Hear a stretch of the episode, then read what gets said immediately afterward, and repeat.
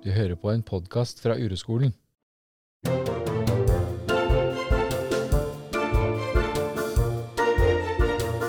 Ja, hei. Velkommen til eh, ny podkast på Nei, ikke nå. Nå har vi akkurat eh, spilt inn ti minutter.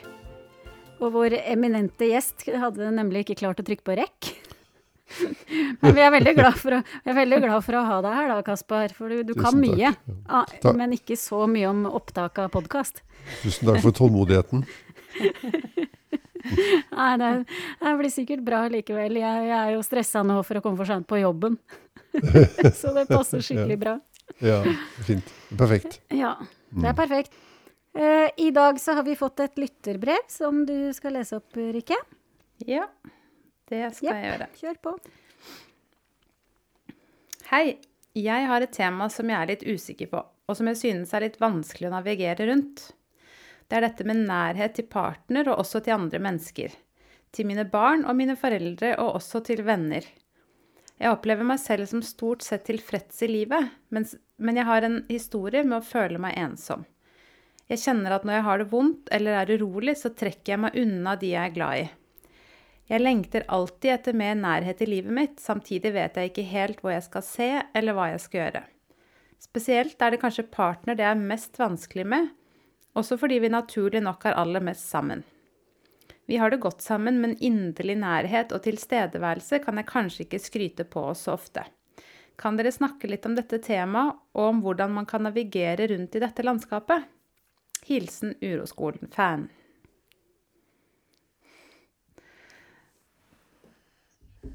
Ja, Ja, det var fint brev. jeg likte det jeg også. Og jeg, jeg liker at um, Vi snakker jo ofte om at eh, ting er så smertefulle, og det er veldig sånn store, vonde dramaer. Uh, og så likte jeg dette. Det er jo vondt å ikke føle seg nær sin partner, men hun skriver jo at hun har det godt i livet, liksom.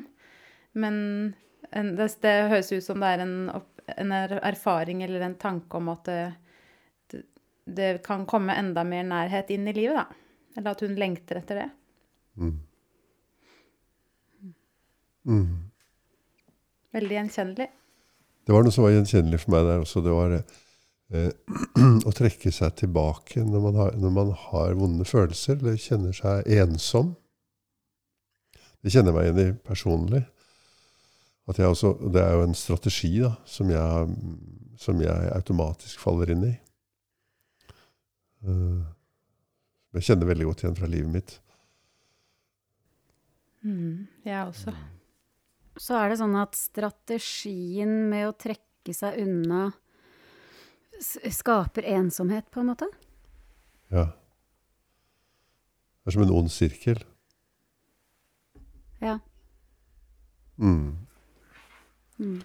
For jeg opplever jo å sitte i selskap med 20 venner, på en måte, eller, eller bare en venninne på kafé eller i sofaen hjemme, og føle meg ensom likevel. Så er det ikke alltid jeg har visst at det er ensomhet. Det er bare, det er jo bare noe jeg setter på det, men jeg har bare kjent en sånn dum, tomhet, liksom. Som hun egentlig sier, da. Men tror dere den strategien med å trekke seg tilbake, at det er en slags default mode hos menneskene? At når man har, har det vondt, så er det det som er liksom, Det er det som er den automatiske eller den naturlige, eller kanskje em, evolusjonært utviklede eh, responsen på det å ha det vondt, da. Det er å trekke seg unna andre. Mm. Ja, det virker jo sånn. Ja.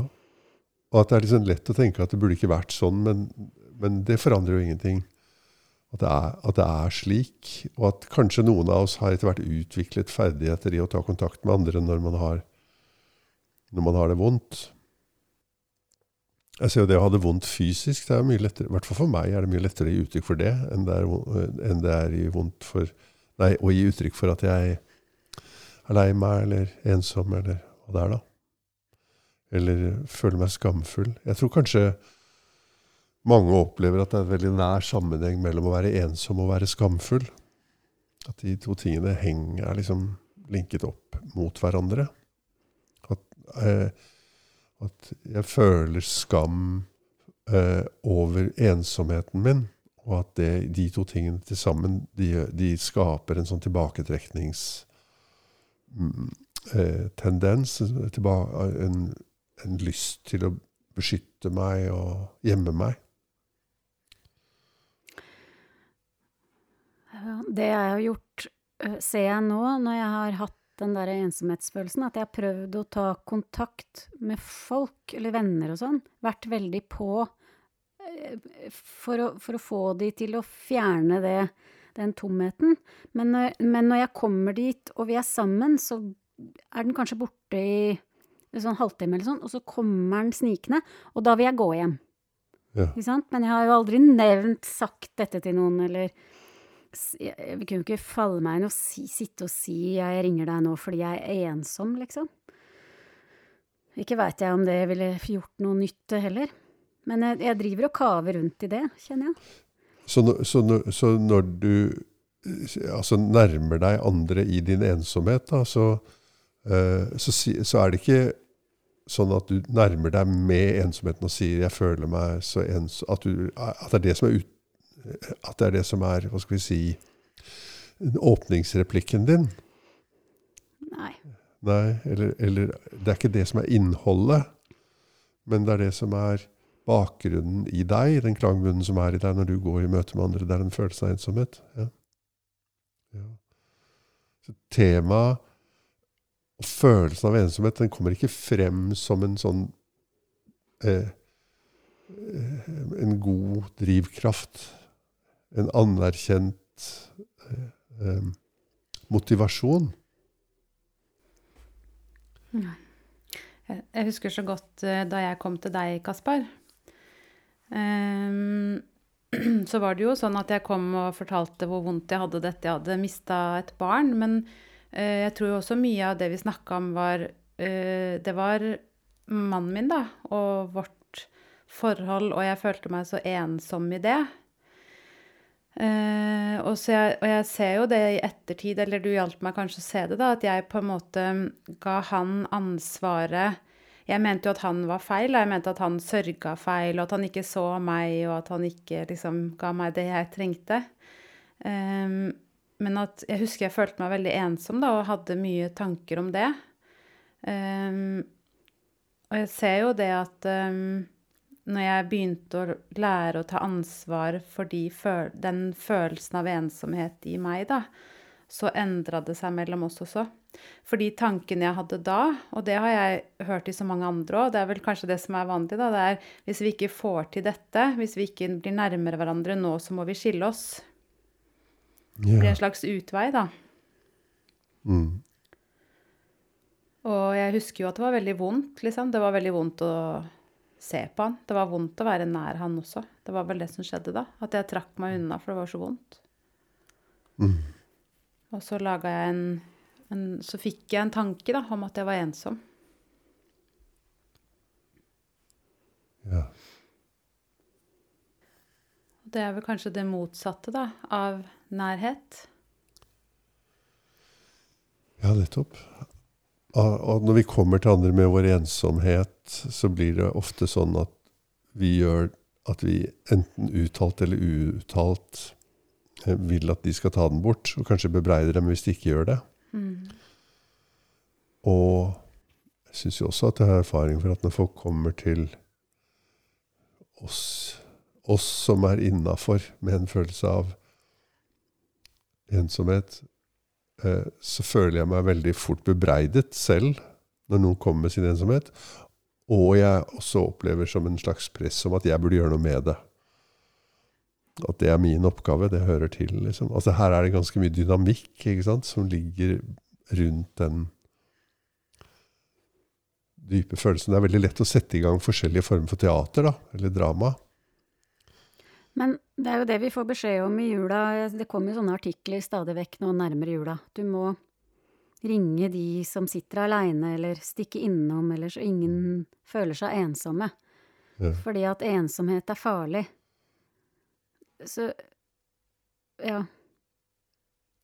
Så da, da oppfordrer man jo til å gjøre det. Ja.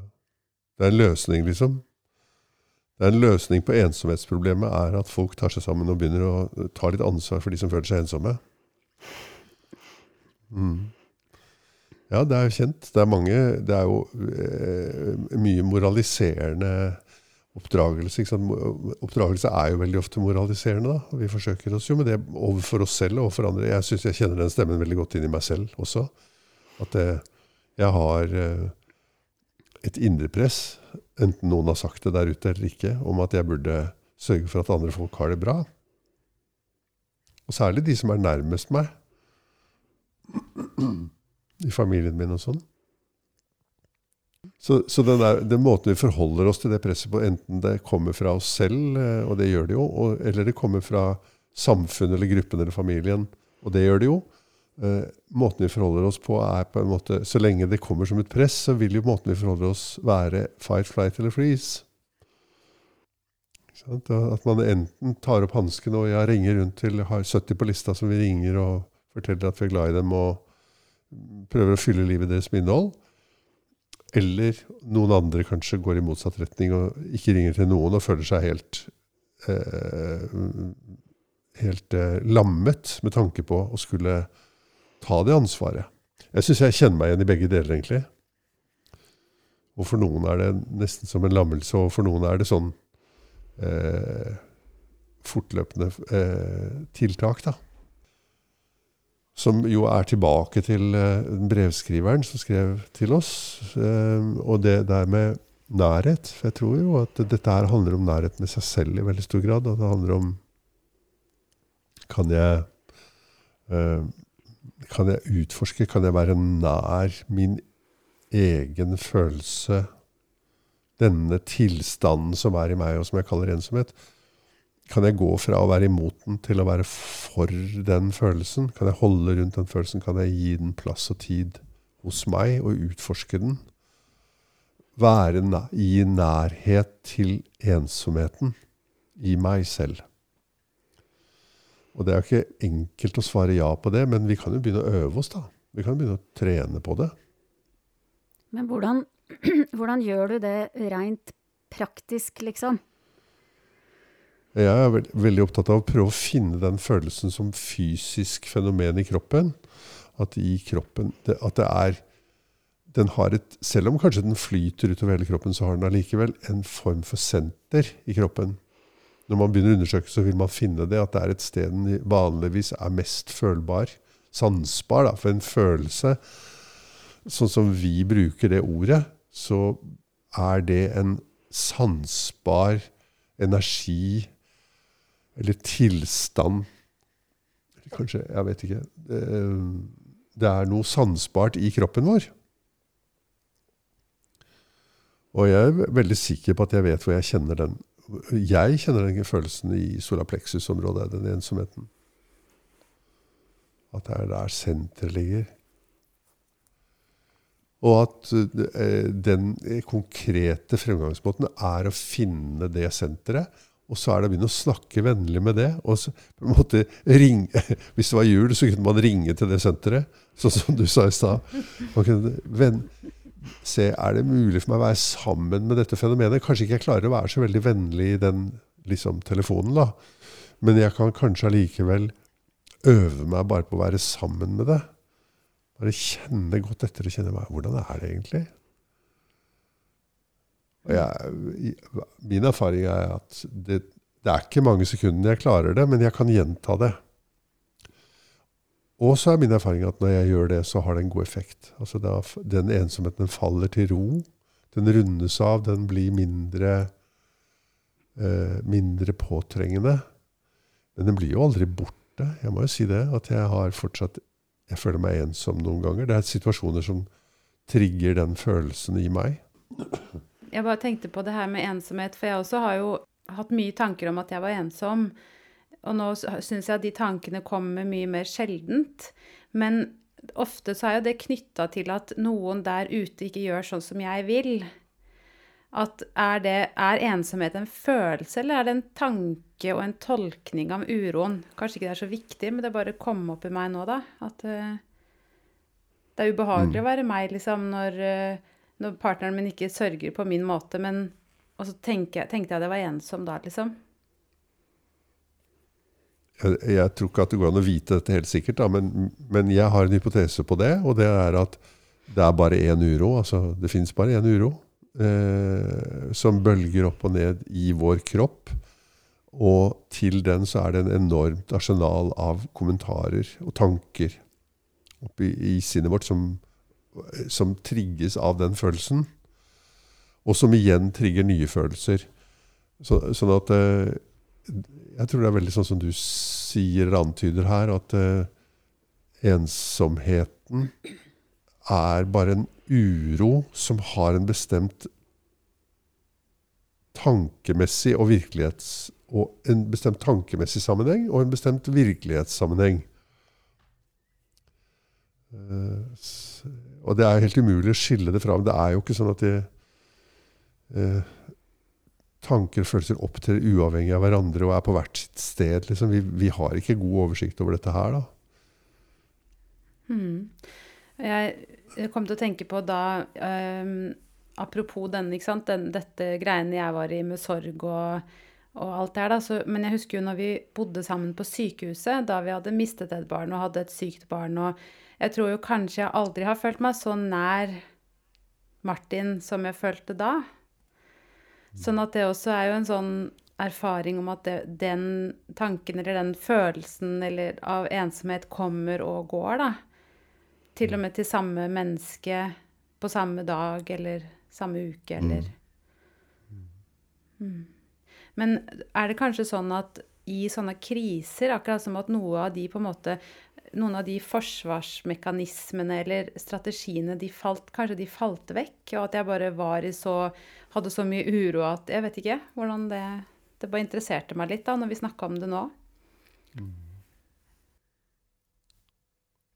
Jeg ville tro det. Jeg syns det er et godt forslag. At, det, at du kommer veldig nær sårbarheten da, uten forsvarsmekanismene. I en sånn ekstrem situasjon som det der. Litt som å være forelska. Ja. Ja. At da ramler man inntil hverandre, liksom. Mm. Det er ikke, ikke det at det nødvendigvis må skje, men for, mange vil, for noen og mange vil det være sånn. Men det kan jo også eh, Og det kan også eh, Ja, det er noe som slår meg her, og det er at mange mennesker opplever det der eh, i en sånn ekstremsituasjon at man, man kommer nær hverandre. da. Mm. Ved ulykker og ved smerte så kommer menneskene sammen, og ved dødsfall og sånn. Eh, og så etterpå så klarer man ikke beholde den nærheten, og så, få, så trer den følelsen inn som du snakket om i stad, den følelsen av å være forlatt eller ensom, eh, og at eh, ofte da ledsaget av ideer om hva som er årsaken til det, f.eks. at den andre ikke er og gjør sånn som den burde være å gjøre da.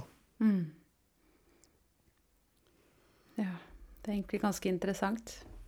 Jeg syns egentlig jeg har hørt det mange ganger, det der. At eh, går vi, vi i livet vårt går Når det skjer dramatiske ting, så blir, kommer vi nær hverandre. Og så går vi til den motsatte polariteten, hvor, vi, hvor det begynner å gjøre veldig vondt. Da, fordi at man plutselig ikke har den nærheten i det hele tatt lenger. Mm. Og det, fall, eller ja, og det vil jo da forsterke tankene om at det er feil.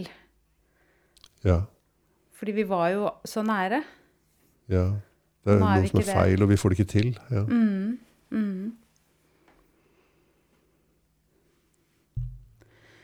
Men forelskelse har jo noe, for, noe som vi da også skulle innom dette med nærhet, da. At forelskelse har jo den, også den um, effekten, da. At den tar oss så veldig nær hverandre. Ja. Men det pleier jo å gå over. ja. Mm. For meg så var forelskelse ofte også forbundet med ensomhet. Eller liksom den derre litt sånn vonde tomheten, husker jeg. Når jeg ser tilbake nå, så har jeg vært mye reaktiv forelska. Hvis det er mulig å si. Kanskje, kanskje det til og med er sånn at det ikke fins noe annet? Ja, ikke sant. Kanskje det. Mm. Men hva mener du med det, Monica? Altså, jeg var så øh, Jeg var så Jeg var forelska, men det var Jeg kjenner igjen nå den sam, det samme ubehaget i kroppen. Liksom. Ja. At det er det samme som uroen, liksom? Ja, Ja. det er det jeg lurer på. Mm. Men, men de, de, de sammenhengene den uroen er knyttet til når man er forelsket, er veldig annerledes enn eh, for det meste, da. Det er jo selvfølgelig også avhengig av om forelskelsen er gjengjeldt, ikke sant? Mm. Men dere har sikkert opplevd det, jeg har i hvert fall opplevd det, at forelskelsen ikke har vært gjengjeldt. Og at det er en enorm at den, det er en enorm ball av forelskelse og ensomhet og avvisning og smerte, da. Og at den er veldig sterk. Men at det er ikke noe annet. Det er ikke noe kvalitativt annet. Det er stor uro, liksom. Og så har eh, forelskelsen det ved seg at den har et objekt. ikke sant? Den har et begjært objekt. Det er sånn at eh, vi, vi tror at vi må ha det der. Og det er jo nesten som en strategi, hva? At det, eh, hvis jeg får det, så blir det i orden. Så blir det fint. Men når forelskelsen legger seg, og man øh, sitter igjen der med, med barn og mann og alt det der som, som skaper ensomhet, da, ikke sant? Eller Ja. ja, som, Ja. som Så hva gjør man da når man Når man uh, sitter liksom sånn som eh, ja, Jeg kan fortelle eh, kanskje en historie som skjedde her om dagen.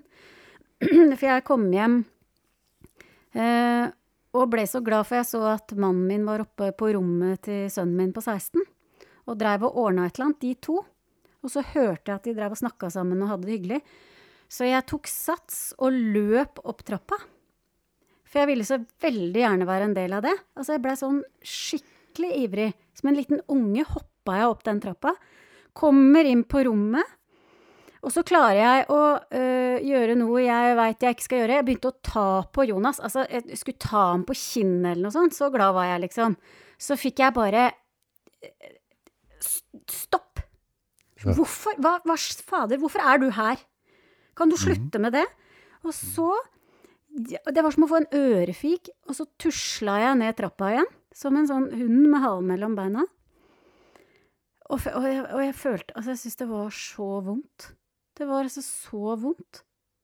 Det, det, det der Det, det er sånn derre miniversjon av det å være eh, veldig forelska og glad, og så blir det slutt, eller noe sånt. Altså, alt det der skjedde på tre minutter. Og så satt jeg nede i sofaen aleine mens de fortsatte opp det, og jeg følte meg altså så Ja, det var altså så vondt. Jeg trodde liksom at nå Nå skulle vi få det fint. Han på 16 som ikke er så interessert i mamma, liksom. Mm. Mm. Høres vondt ut. Ja, jeg ler av det nå, men det var Jeg lo ikke da, altså. Det var Nei. skikkelig ubehagelig. Og da kom den derre tomheten og ensomheten og den avstanden til han, da. Som jeg hele tida liksom Jeg savner den nærheten vi hadde, ikke sant? Ja. Mm. Klarte du å ta imot det, da? Ja. Kan du i hvert fall si det nå, så du har visst om det, da, til en eller annen grad? Mm. Jeg veit ikke. Jo, jeg satte meg ned. Jeg har jo liksom øvd på det her, da. Ja. Jeg har jo det. Eh, jeg klarte jo ikke ta det der. Altså, jeg, jeg forsvant jo fortere enn jeg, klar, jeg klarte ikke å bli stående. Nei. Men da jeg kom ned, så hadde jeg jo litt mer tid i ensomhet. Og da, da huska jeg på å ikke ta opp mobilen og, og prøve å ha det der litt, da. Mm. Ja. Mm. Men eh, jeg kjenner jo at det Min eh, Min veldig iver etter å ha nærhet med Jonas skaper jo ikke nærhet. Det ser jeg jo. Mm. Jeg veit liksom ikke helt hva jeg skal gjøre alltid. Men det var et veldig bra poeng, syns jeg. Eh, for iver etter nærhet skaper ikke nærhet. Nei. Og at, eh, at alternativet hadde vel vært at du hadde catcha det før du gikk opp trappa, eller sprang opp trappa? Og kjent på alt det som gikk gjennom deg? Mm. Holde forelskelsen Ja, istedenfor å leve den ut, liksom? At jeg kunne stå igjen der nede og høre på. Ja. Jeg vet ikke hvordan dere har det, men er, har dere lett for å bli forelska? Ikke noe sånn Nå ikke i livet, liksom? Nei. Men nå har, akkurat, akkurat nå i livet har jeg vel ikke tid, men Du da, Monica? Ja, altså, ja, det er jo litt vanskelig å svare på, siden jeg har vært sammen med mannen min siden jeg var 16 år. Ja. Så å svare på det blir jo kanskje litt vanskelig, men jeg var jo veldig var, Ja. Svaret er jo ja. Men jeg får sånne crusher eh, da, liksom. ja. eh, på godt norsk. Men før, før jeg ble sammen med han òg, så var jeg forelska alltid. Ja. Ja. Mm. Ja. Det, det gikk fra den ene til den andre. Og hvis ikke jeg var forelska, så klarte jeg å gjøre meg det sånn. Mm. Mm. Ja. Jeg har også veldig lett for å bli forelsket, da, fremdeles også. Eh, eh, Jeg har også lett for å bli forelsket i kona mi, men jeg har lett for å bli forelsket i andre, faktisk både menn og kvinner. Og så er det bare sånn ganske kortvarige ting. Eh, og veldig godt, da. Veldig sånn Man ser andre mennesker i et veldig positivt lys. Mm. Og der gjelder det å holde hestene litt, da. Og passe på å ikke sette i gang dramaer. Si ja, men det er fint. Og det kommer til å gå over, liksom. Og bak det er det Kona mi sier til meg noen ganger 'Du er litt forelska', sier hun til meg. Ja, da, da er det ikke henne, da, men det er en eller annen. Og det kan gjerne være en mann, liksom. Ja, Mm. At jeg er veldig begeistret, da. Ja, det kan jeg kjenne meg igjen i. Mm. Mm, når jeg møter nye mennesker, da. F.eks. da jeg Ja. møtte dere to. Så Ja. ville jeg jo helst at dere skulle flytte inn her. Begge to. Ja. På ulike Ja. tidspunkt, da. Men Ja, ja, Så det er jo en form for forelskelse. ja, absolutt. Mm. Mm. Og så ser jeg det å ja, det er fort gjort å la seg rive med av det, liksom. Og at kanskje man kan la være å storme opp trappen, da. Og romme den uroen fordi det har en verdi i seg selv. Jeg mener, det er, I mange tilfeller så er det jo veldig fint å leve ut en forelskelse, men i noen tilfeller, særlig hvis det er veldig ofte, så blir det veldig ofte mye drama av det. Mm. Særlig hvis man er gift på forhånd. Nå se, innser jeg jo at det er det som er med Jonas. Ikke at jeg er forelska sånn som han er i eh, Ikke sant? Mm. Men, jeg har- men det er den samme følelsen. Det er det det er. Av, den, av en sånn ulykkelig altså en forelskelse som ikke blir gjengjeldt. da. Ja. Ikke sant? Dette kjære lille Ja. barnet mitt, som jeg jo Mm. elsker så godt. Jeg, ja, ikke sant? Han, ja, mm, åh, ja, jeg kjenner det. Mm. Ja. Og at forelskelsen eh, Ja, det er fort gjort å følge den, da, for å få den gjen, gjengjeldelsen. Mm. For å få den bekreftelsen. Og at det har en verdi å holde det, da. Det syns jeg eksempelet ditt ble veldig tydelig. At det, det er en form for nærhet med en selv. Og si ah, der kommer de følelsene. Jeg setter meg ned her og kjenner og er nær meg selv, Mm. Uh, istedenfor at jeg vender meg mot verden for å få den bekreftelsen. Ja. Mot Jonas, eller mot hvem det nå måtte være, da. Og jeg opplever jo det at de gangene jeg klarer det, så er jo ikke han like avvisende. Men han vil jo aldri Ja. dekke det behovet som jeg har satt meg opp. Ikke Mm. sant? For jeg Jeg tror aldri han kommer til å komme ned, sette seg på fanget og ville ha klem, liksom. Det, den, det tror jeg Ikke sant? Han kommer aldri til å dekke det behovet som jeg har en tanke om at jeg trenger, kanskje, da. Det Mm. er vel det jeg skal fram Mm. til. Mm. Ja. Mm. Og at du kanskje ikke har det behovet heller. Eh, når du rommer den følelsen, så har du kanskje like mye nærhet med han med en eller annen fysisk resp eller respekt for fysisk avstand, eller fysiske grenser, da. Ja, så det går an å ha nærhet eh, selv gjennom en etasje og en låst dør. Ja. Ja. Jeg kan jo kjenne igjen det at jeg også ofte får en tan eller tanker om at vi burde være mer nær hverandre. Liksom. Vi burde snakke mer om viktige ting for Mm. oss. og ehm, at det, Noen ganger så er det, kommer kvelden, så er det sånn Skal vi se på TV? Eller burde vi kanskje sitte og snakke sammen litt i kveld? Liksom. Uh, og at, jeg får, at, det, at det blir en sånn agenda da, om at det er litt feil nå. Det burde være litt annerledes. Og vi burde holde mer hender og klemme mer og være mer nær. Men det blir jo sjelden noe ut av det fra det stedet der, da. Ja. Men jeg kjenner meg jo igjen i det, liksom. Å lengte etter den nærheten, da. Mm. Men det er kanskje bare uro, det òg. Det er lengselen. Jeg tror det er vel verdt å dvele der, da. Øh, Fordi det, det, jeg, jeg tror mye av det ekteskapelige dramaet som handler på terapikontorer, handler om det der. ja. At man har en annen bebreidelse på at det er den andre som ikke gir det. Og at man virkelig jobber med seg selv når man tror på det at vi burde ha mer nærhet. Hva er det jeg, føl hva er det jeg føler når jeg tror på det? Hva, hvordan er det i kroppen min når jeg tror på det? Kan jeg være sammen med det? Kan jeg komme til partneren min fra et annet sted enn fra et sted som er needy? Eller bebreidende? Kanskje de to tingene. Særlig den kombinasjonen der.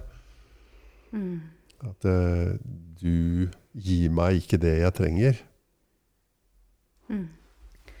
Jeg øver meg jo litt på For ofte, da, her hjemme, hvis jeg eh, Ofte nå så det jo, handler det om barna, da, ikke sant. At de er grinete eller slår seg vrang eller sånne ting. Og så blir jeg sur. Eh, og det merker jo Martin også, ikke sant. Han, det går jo utover han også, på en måte. Eh, og så øver jeg meg på å klare å si det til han, at nå er jeg sur, eller noen ganger her en dag så, så var jeg så overvelda en morgen, og så er min strategi å bli sur. Ehm, og så klarte jeg, når de, når jeg hadde, alle hadde kommet ut av døra, da, så klarte jeg å sette meg ned og kjenne etter hvordan jeg hadde det. Og da kjente jeg at jeg var veldig lei meg. At jeg hadde det, eller jeg hadde det vondt, da. Så sendte jeg en melding til Martin og skrev at eh, beklager for at jeg var sur, men jeg hadde det bare veldig vondt inni meg. Og så fikk jeg et hjerte tilbake, og da kjenner jeg meg veldig nær han. Når jeg klarer Ja. å ta ansvar for hvordan jeg har det. Ja, ikke sant? Og det er egentlig sånn fint, da, for det er ikke at vi holder rundt hverandre eller har dype samtaler eller noen ting. Men det kjennes nært, liksom. Men, men ja, da er jeg jo nær meg selv, da. Så det skaper nærhet, da, øh, hvis vi klarer å ja, Da får vi nærhet, da, hvis vi klarer å være nær med oss selv og klarer å dele noe fra det, istedenfor å, være en, eh, å tro at det skal komme fra noen andre. Og til og med kanskje eh, Det er jo mange eh, hindringer på veien her. For at det er jo også, inkluderer jo også det at kanskje den andre ikke er så veldig keen på å delta i det i det hele tatt. Sånn som Jonas, da. At man rett og slett sier eh, Ja, men det er fint, det, men jeg, jeg ser på fotball. Ja. Ja. Men han eh, Men han eh, Han har jo nå eh, eh, Han har tatt valg om å slutte på skolen. Å ja. Eh, og det øver jo jeg på å romme. At han skal få ta egne valg. Eh, jeg har jo hatt en del erfaring med det, kan du si. Så, så jeg har jo øvd mye på det. Men, eh, men jeg tenker jo at å prøve å la han stole på at han kan leve sitt eget liv, og at jeg da kan romme det ubehaget som kommer. For jeg er jo redd da. Jeg er redd for at han ikke skal få det noe bra, ikke sant? Eller at jeg er redd for at jeg ikke skal gjøre de riktige tingene. Sette grenser eller kaste han ut eller ja, gud veit. Men å kunne ta det, da, det er jo kanskje det kan skape nærhet på et eller annet vis. Ja. Jeg vet ikke, jeg øver i hvert fall på det, da. ja. Og ikke du, du mener ikke leve ut eller ikke gå med den angsten for at det ikke skal gå bra med han? Ja, så den er jo der. Ja. Den vil jo alltid være der, men ikke gå og uh, hamre på døra hans og si 'nå må du finne ut av dette her, du må finne på noe med livet ditt', liksom. alt det presset jeg føler for å enten gjøre det, eller grave meg ned under sofaen og late som han ikke eksisterer. Som jo Mm. også er bare Så jeg, jeg kaver litt rundt i, veit liksom ikke helt hva som er hva alltid heller, da. Men jeg øver jo på det. Ja. Jeg tror det er veldig lurt, for jeg tror at hvis Jonas opplever at eller barna våre i det hele tatt, opplever at vi har tro på at de har det som skal til, selv om de går sin egen vei Det er ikke noe vits i at vi har tro på at de har det som skal til, hvis de hele tiden går vår vei. Men at vi til og med beholder den troen når de går sin egen vei, det er utrolig godt for et barn å oppleve. At foreldrene sier 'vær så god', nå er du så stor så du kan gå din egen vei'. Uh, og jeg rommer uroen som er, som alle foreldre har, om at det ikke skal gå bra med barna deres. Istedenfor å legge seg borti det, istedenfor å holde på med de karaktergreiene som, alle, som veldig mange mennesker gjør. da. Skolegang og utdannelse og alt det der. Og sier ja, men Vær så god, gutten min. Gå ut av døren og ta for deg. Det er vanskelig, da. Det krever jo at jeg Ja, eh, stoler på han, og stoler på meg sjøl, liksom. ja, ja ikke sant? Kunne det kalles nærhet? Ja. Ja, Mm. kunne jo det. Mm. Og da plutselig er det nærhet der, liksom. I det øyeblikket du gjør det. Altså, at den tilliten oppstår, da. Du kommer gjennom de der eh, dramatiske tankene og mønstrene og inn i eh, Inn i en tillit til at han har det som skal til, og verden har det som skal til for han. At må gå sin vei. Jeg har jo det. Jeg kjenner etter, så har jeg jo tillit til han. Eh, faktisk. Men jeg og, og om det skaper nærhet for meg Jeg venter på en eller annen bekreftelse på det. Ikke Ja. sant? Det, så det er det å stole på det òg. stole på at jeg ikke at, eh, at jeg kanskje kan ha nærhet uten å få bekreftelse, ikke sant? Ja. Veldig bra. Det er skikkelig sårbart, det der. Ja, det er det. Det er sårbarhet som tar sjansen på å være åpen uh, uten å få noe tilbake. Og, eh, og at du flytter oppmerksomheten ned i kroppen. Da. Hvordan er det i kroppen når han går sin egen vei? Han er 16 år og går sin egen vei.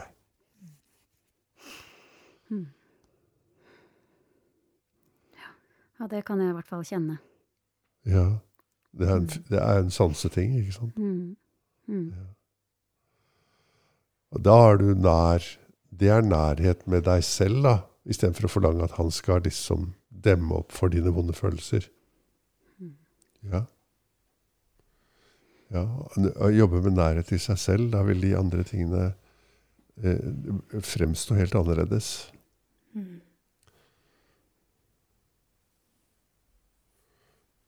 Da vil, eh, da vil nærhetsbehovet med andre og friheten i det med nærhet og avstand og sånn, vil endre seg når vi jobber med å være sammen med våre egne og ha nærhet til vårt eget følelsesliv.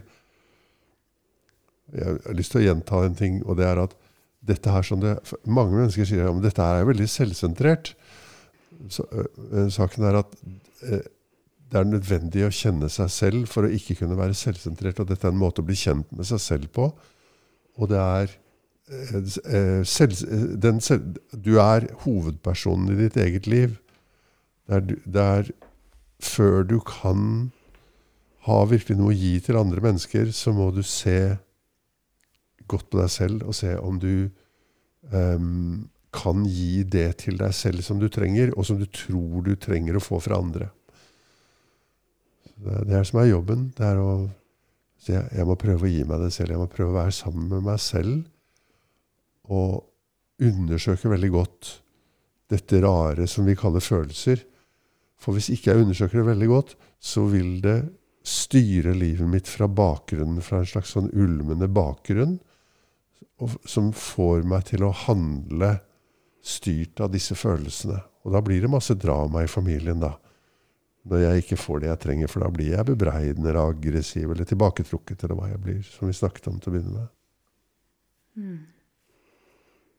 Så reint praktisk, da, som jeg er så veldig fan av, det, så kunne jeg, når jeg kom inn den døra, hvis jeg hadde huska på det, satt meg ned i trappa og bare kjent hvordan er det i kroppen min, magen eller brystet eller halsen eller Når jeg hører at de har det hyggelig på rommet, og jeg ikke er en del av det. Kanskje jeg, jeg, vet ikke jeg, jeg vet ikke om jeg har lyst til å si ja til det, Monica, fordi eh, du kunne ikke gjort noe annet enn det du gjorde. Nei da. Men hvis jeg hadde huska på Hvis jeg hadde kunnet, altså er det det jeg kan øve på hvis det kommer neste gang? Ja.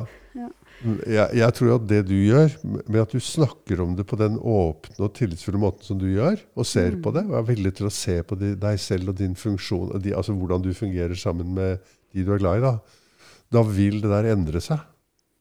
Mm. Ja, Du har sikkert erfart det allerede når det gjelder andre ting. ja, ja, Og det vil, det vil, ditt behov for å få bekreftelse fra din sønn, det vil også endre seg. da. Mm. Så du, eh, så, og da vil og din evne til å sitte med de følelsene, holde de følelsene selv, istedenfor å reagere de utover han, de vil, det, vil, det er noe du er i gang med å øve på. Det er noe vi er i gang med å øve på. altså Alle vi tre øver på det i vårt liv. da. Mm. Og kanskje vi må øve hele livet. Kanskje det er på en måte bunnløst. da. Det kan tenkes det, at det aldri er noe bunn i dette, egentlig, men at vi bare må Ja, det er en utfordring stadig vekk. Når ting gjør vondt, eller når ting gjør veldig godt, å holde det og uh, totalt eie det og ta, ansvar for det. Og dele fra overskuddet istedenfor å dele fra underskuddet.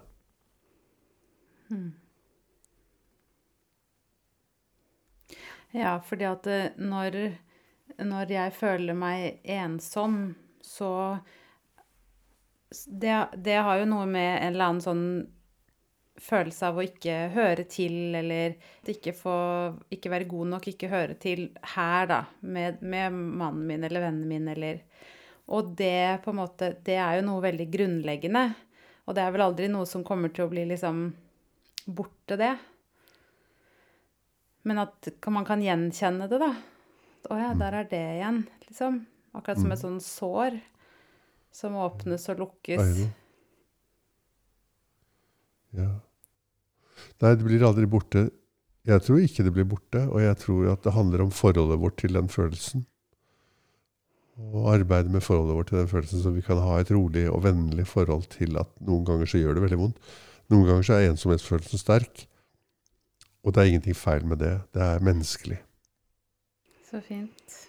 Da kan vi kanskje avslutte der, så jeg ikke kom for seint på jobben. Ja, var det ja? Ja. Nei da. Ja. Nei, men det er bra. Tusen hjertelig takk, Kaspar. Jeg tror dette er kjempenyttig. Ja. Så får vi Ja. håpe det er nyttig for hun som skrev brevet òg.